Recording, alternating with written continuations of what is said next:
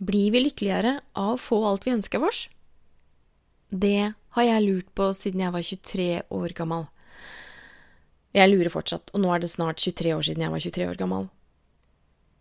Hvis du kom til den podkastepisoden her med et håp om å lære noe, få noen hacks, så får du ikke det. I dag så har jeg lyst til å tenke høyt uten at bordet fanger. I dag har jeg lyst til å bare reflektere, og jeg håper at du blir med på å reflektere, og at vi sammen kan komme litt nærmere noe jeg tenker på som et kjempeviktig spørsmål i vår tid. Hva gjør alle de mulighetene vi har med oss? Er det bra, eller skaper det stress? Det skal det handle om i dag. Du lytter til Med hjertet for jobben, en podkast om stressmestring og arbeidsglede, selvledelse og karriere. Mitt navn er Kristin Weholt. Jeg hjelper deg med å trives på jobb, takle stress og utvikle deg i riktig retning ved hjelp av målretta coaching og forskningsbaserte online-kurs. Du finner meg på kristinweholt.no.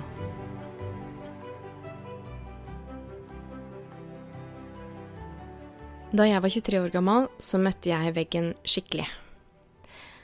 Og når jeg sier at jeg møtte veggen skikkelig, så betyr det at jeg blei langtidssykemeldt. Jeg gikk inn i en to år lang depresjon. Jeg hadde panikkangst, og livet var skikkelig vanskelig.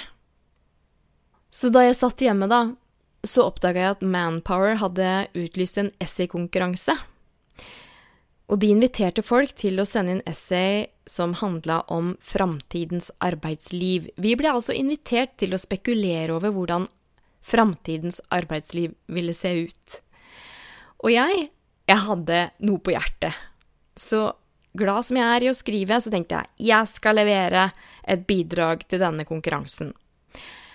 Og jeg kalte essayet mitt for Å velge en konjakk. Og grunnen til at jeg valgte den tittelen, det var fordi jeg tenkte at min generasjon kom etter dessertgenerasjonen. Dessertgenerasjon, det er, det, det er et begrep som ble brukt for første gang på 60-tallet. Om den generasjonen som kunne høste fruktene helt sånn gratis av tidligere generasjoners kamp. Og det kan du egentlig si er sant om enhver generasjon etterpå, at alle sammen er dessertgenerasjon. Min generasjon og, og, senere generasjoner også, men i hvert fall. Jeg tenkte på foreldrene våre som dessertgenerasjon, og hva kommer etter dessert? Hva kjennetegna vår generasjon? Og jeg tenkte, det er jo kaffe og konjakk. Og var det noe jeg ikke hadde lyst på der jeg var i livet? Så var kaffe og konjakk Ikke at jeg drikker konjakk i det hele tatt, men du skjønner hva jeg mener. Altså, jeg hadde ikke lyst på noe mer. Jeg var så forspist etter å ha jafsa i meg av en buffé av muligheter. Jeg hadde til da gjort alt det jeg trodde var riktig for å få de mulighetene jeg ønska meg. Jeg hadde skaffet meg gode karakterer på universitetet, jeg hadde tatt flere studiepoeng enn normert, eh, en normert, altså flere studier på en gang. Jeg hadde vært i utlandet, jeg hadde eh, lært meg godt, i hvert fall to språk. Jeg hadde fått meg relevant arbeidserfaring, og jeg hadde hatt tillitsverv. Det var det jeg trodde måtte til, fordi at jeg hadde jobba i Norges største forretningsadvokatfirma og jobba for den advokaten som hadde ansvar for traineene, og jeg leste jo hver eneste CV på de som ble tatt inn som traineer i dette hotshot-selskapet, og jeg så jo hvilke krav de måtte innfri, så jeg tenkte right, jeg svelger det rått. Sånn må jeg bli for å få de mulighetene jeg ønsker meg. Og det var jo noe av grunnen til at jeg blei utbrent. Så når jeg skulle snakke om framtidens arbeidsliv, så beskrev jeg en generasjon som var skikkelig unnaeten, som var så forspist på den buffeen av muligheter at de bare hadde kapasitet til å krabbe opp på sofaen, og det eneste de hadde lyst til å spise, det var brødskive med syltetøy. Det var min dystre spådom for framtidens arbeidsliv hvis ikke man adresserte de kravene unge mennesker møtte. Og her hører du at det skjer noe. På et eller annet tidspunkt så blir alle mulighetene til krav. Og det syns jeg er et interessant moment som jeg fortsatt dveler ved, fordi i coaching så er dette tema. Jeg møter stadig mennesker som sier til meg at jeg har egentlig alt jeg ønsker meg, men noe mangler. Jeg har så dårlig samvittighet for at jeg ikke er mer fornøyd. Jeg er utslitt av alt jeg har. Og jeg glemmer ikke sjøl, altså da jeg var 23 og jeg var inne i depresjonen, så fortalte jeg til en av mine beste venner hvordan jeg faktisk hadde det, og så sier han Hæ?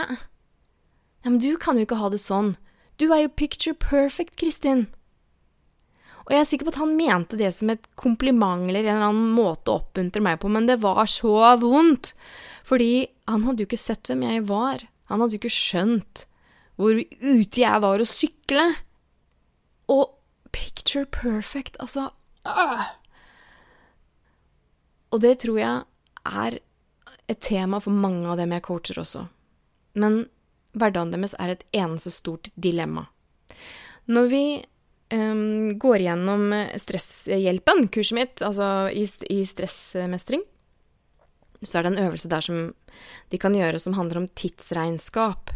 Fordi det er jo helt sentralt at man prioriterer egenomsorg.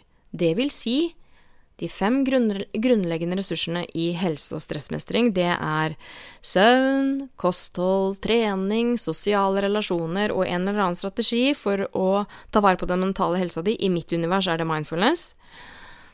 Men de sier de ikke har tid. Og så sier jeg, men gjør tidsregnskapet, sjekk hvor bruker du tida di, hvor går faktisk tida hen? Er du sikker på at ikke du har tid til en halvtime hver dag?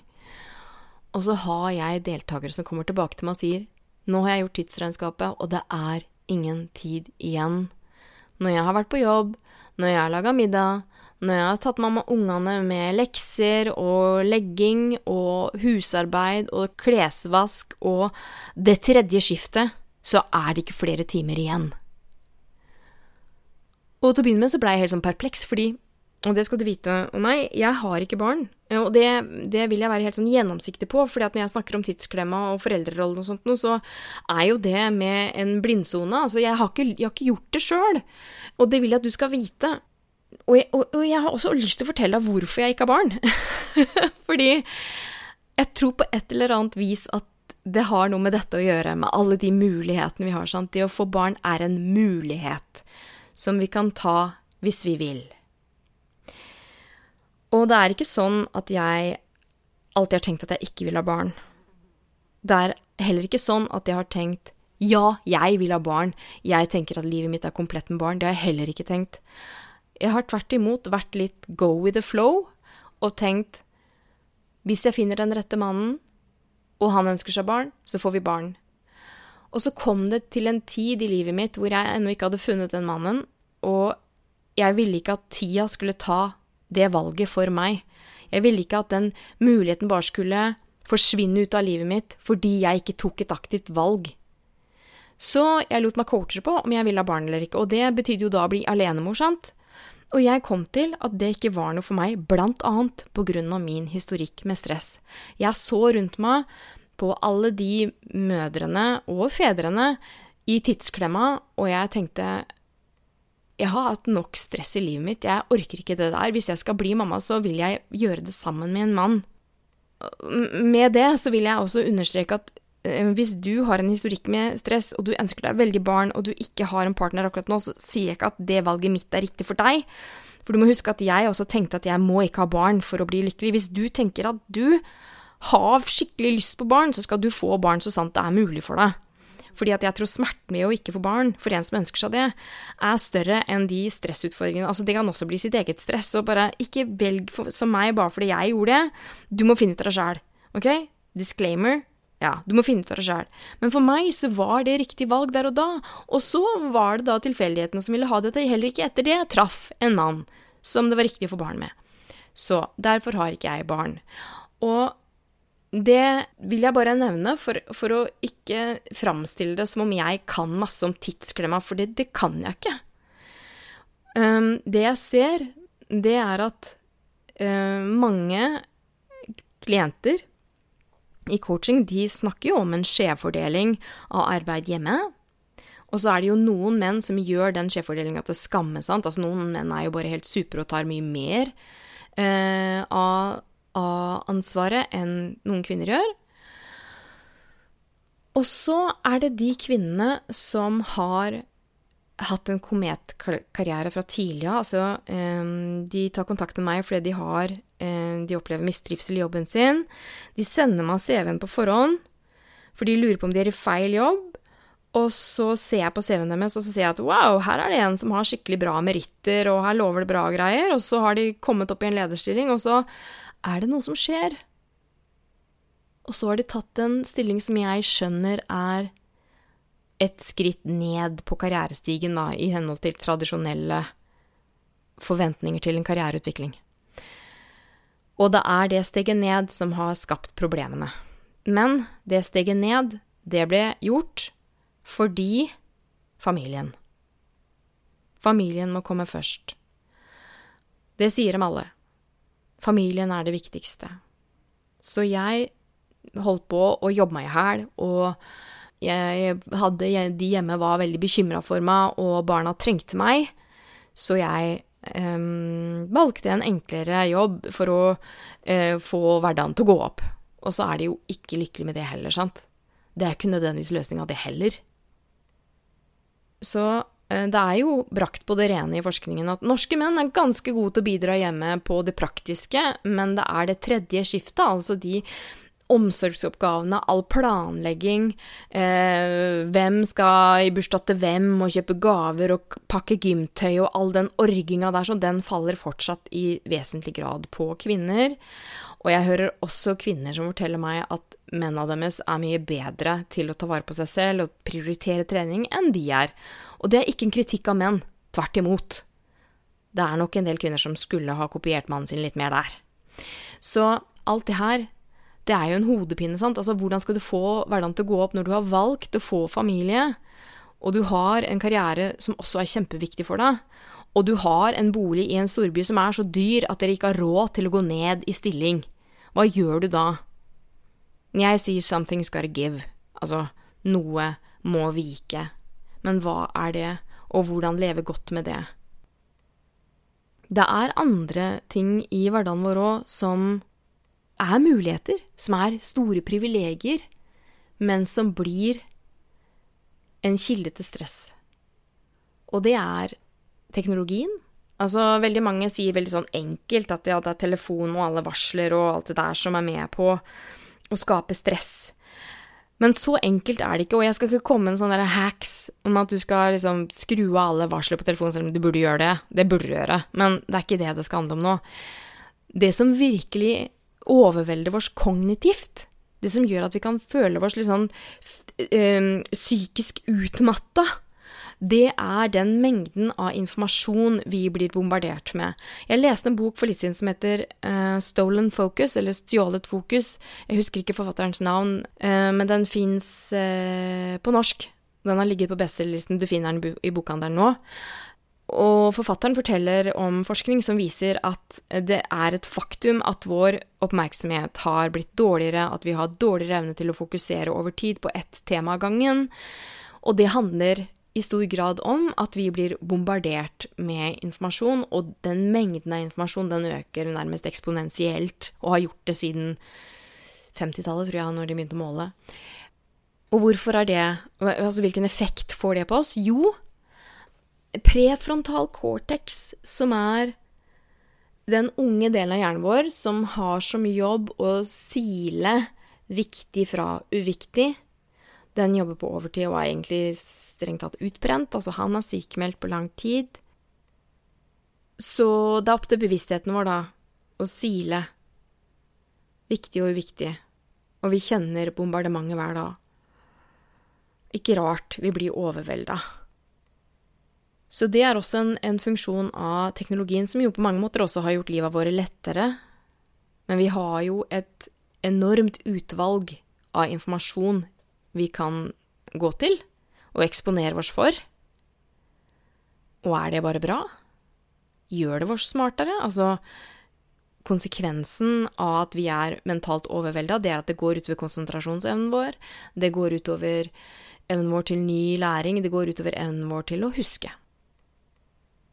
Da jeg kom på den ideen her til en podkastepisode, og med hensikt ville at den skulle være litt fabulerende, så kom jeg på at jeg jo har hørt om The Paradox of Choice. Det er en amerikansk psykolog, professor i psykologi, som heter eh, Barry Swartz. Han har gitt ut en bok som heter The Paradox of Choice, hvor han utforsker nettopp spørsmålet er det til fordel for vår, vår lykke, holdt jeg på å si, blir vi lykkeligere av å ha masse valgmuligheter, frihet? Fordi man har liksom tatt det for gitt at bare du gir mennesket maksimal frihet og valgmuligheter, så blir du lykkelig. Han utforsker det. Og du hører jo i tittelen The Paradox of Choice, det er ikke nødvendigvis sånn at vi blir mer happy av å ha mange valgmuligheter. Og hvorfor ikke? Jo, for det første så står vi midt i en sånn decision fatigue, ikke sant, beslutningstretthet. Alle de valga og mulighetene vi har, de er så vidtrekkende at det er ikke mulig å kjøpe en kaffe engang uten at du må ta syv valg.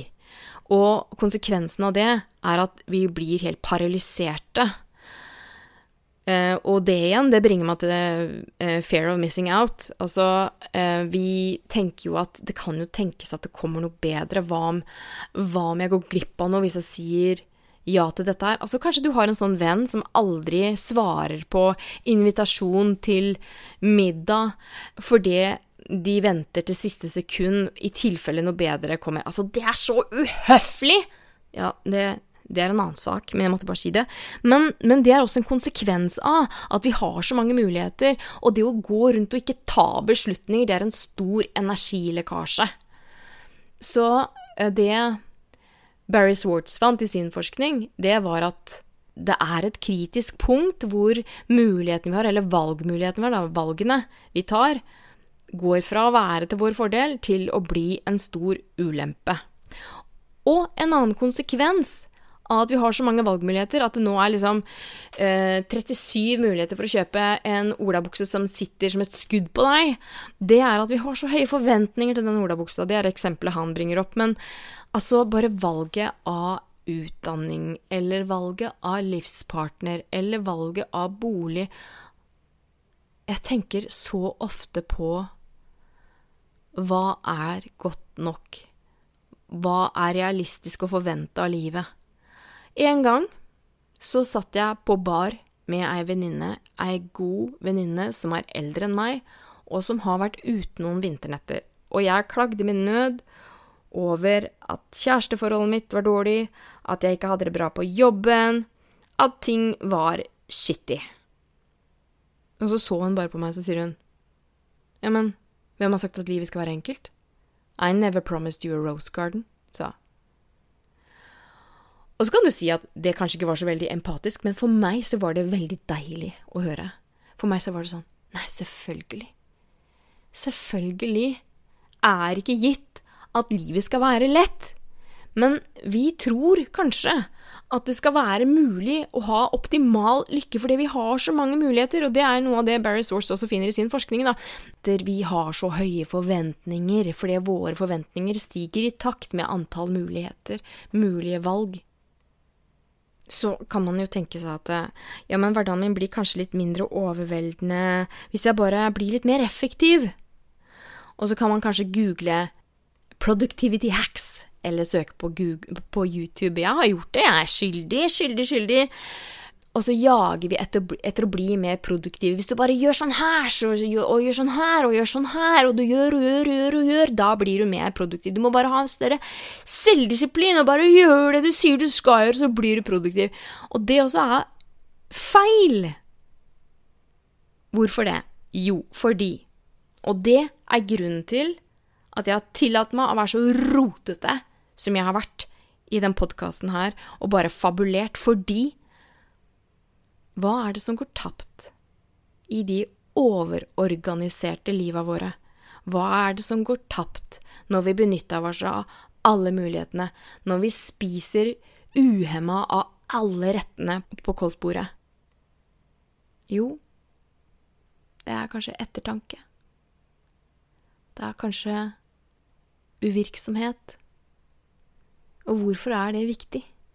Jo, for hvis du overlater sinnet til seg sjæl uten å gjøre noe, hvis du bare lar tankene vandre, vet du hva som skjer da? Det er at det forunderlige sinnet vårt har en evne til å veve sammen erfaringene våre og skape mening og se mønstre og løse problemer og være kreativ. Men da må du la sinnet få være i fred litt. Da kan du ikke drive og være så produktiv. Da må du ha uvirksomhet. Så når jeg møter klienter i coaching som sier at jeg føler at jeg har alt, men likevel så savner jeg noe, så tenker jeg kanskje det som savnes, er mening? Det spekulerer jeg i nå. Hva tenker du? Altså, jeg spekulerer bare det her, jeg gir ingen klare svar.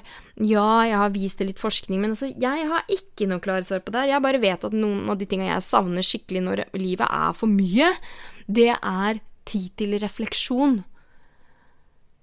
Det å trekke seg tilbake og bare høre sine egne tanker, og det er det jeg tilbyr i coaching, da. Altså, her kan du tenke høyt uten at bordet fanger uten at du nødvendigvis må eksekvere på det du sier. Du forplikter deg ikke til noen ting. Og alle de tinga du vurderer, alle de valga du vurderer, skal jeg ikke holde imot da hvis du ikke tar seinere. For det er også en sånn nedside ved alle valgmulighetene våre. ikke sant? Hvis vi velger feil, da. Hvem kan vi skylde på? Nei, vi kan bare skylde på oss sjøl, fordi vi hadde jo andre muligheter. Veldig tungt ansvar å bære. Så har du et rom hvor du kan tenke høyt, eller bare fabulere, bare dagdrømme? Er det det som mangler i det stappa livet ditt? Fortell gjerne, for jeg, jeg, jeg har ikke noen klare svar, jeg bare spekulerer. Så du kan gjerne sende meg en e-post på kristin.kristinvehold.no. Jeg vil gjerne høre tankene dine om hvordan du løser tidsklemma, om hvordan du forholder deg til alle valga og alle mulighetene du har, og om du av og til føler at de mulighetene du har, egentlig føles som krav. Du har lytta til Med hjertet for jobben, en podkast om stressmestring og arbeidsglede, selvledelse og karriere. Mitt navn er Kristin Weholt, og jeg er coach, kursinstruktør og karriereveileder. Vil du selv lese artikler og andre kilder jeg viser til i podkasten, sjekk shownotes til denne episoden. Og vil du lese artikler og se videoer jeg har produsert, gå til medhjerteforjobben.no. Der kan du også melde deg på nyhetsbrevet mitt og få tilgang til gratis ressurser som er relevante for stressmestring. Gå gjerne inn og rate denne episoden, og del den med en venn som kanskje også kan ha nytte av å høre denne. På gjenhør!